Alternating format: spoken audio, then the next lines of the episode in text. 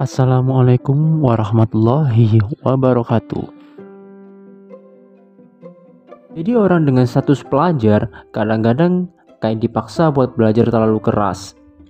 Barbar gitu, sampai lupa waktu. Seolah-olah cara buat jadi pinter yang paling benar adalah dengan cara yang barbar. Jadi anak sekolah itu kita nggak bisa cuma memandang belajar sebagai kewajiban aja supaya bisa dapetin hasil dan manfaat dari belajar, kita perlu tahu cara belajar yang cocok, juga perlu tahu untuk apa kita belajar materi tersebut. Sehingga nantinya materi-materi yang masuk ini bakal kita pahami secara konsep. Nah, maka dari itu ada beberapa tips buat kamu nih supaya kamu bisa belajar lebih optimal dan bisa perform lebih baik lagi di sekolah. Yang pertama, olahraga. Yap, olahraga. Pernah dengar peribahasa di dalam tubuh yang sehat terdapat jiwa yang kuat?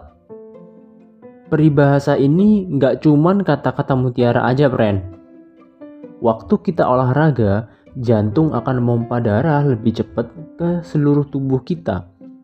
Efeknya, otak bisa dapat suplai nutrisi dan oksigen lebih banyak.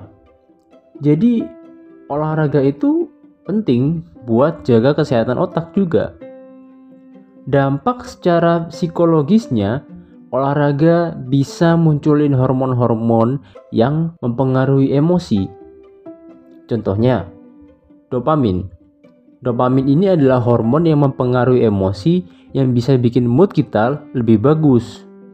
Akhirnya, kita lebih fresh dan nggak gampang stres. Dengan kondisi otak kita yang fresh gitu, konsentrasi kita bisa lebih optimal. Otomatis, proses informasi jadi lebih cepat dan akhirnya kemampuan pemecahan masalah kita jadi meningkat. Yang kedua, Teknik belajar. Gimana sih cara belajar kamu selama ini? Bertapa di kamar semalaman sampai nggak bisa tidur? Kumpul-kumpul bareng temen? Atau bakar catatan terus diminum abunya? Tiap orang pasti punya cara belajar masing-masing yang paling cocok bagi mereka. Tapi tips yang kedua ini yaitu pastikan cara belajar kamu ini kamu melakukannya dengan enjoy dan tidak tertekan. Pilih dan fokus sama topik yang kamu butuhkan untuk dikuasai.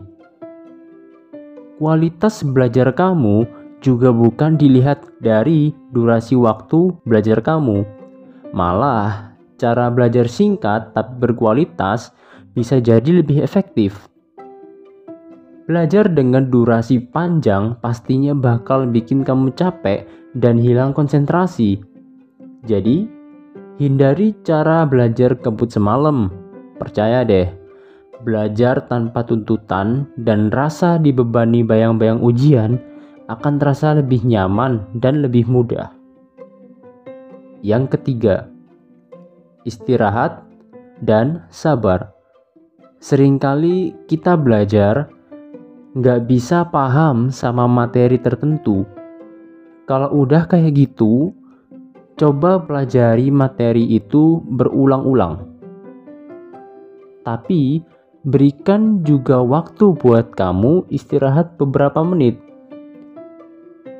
Istirahat itu penting untuk menjaga otak kamu tetap fresh dan menjaga daya konsentrasi kamu waktu kamu belajar. Jangan merasa bersalah atau menyalahkan diri sendiri ketika kamu nggak bisa menguasai materi itu dengan cepat. Jangan terlalu keras dengan diri sendiri. Jangan lupa istirahat dan tetap sabar. Kemudian yang terakhir adalah eksperimen gaya belajar kamu. Jangan ragu buat coba-coba gaya belajar baru yang belum pernah kamu lakuin sebelumnya. Karena Siapa tahu ada gaya belajar yang belum kamu coba, tapi ternyata lebih cocok buat kamu.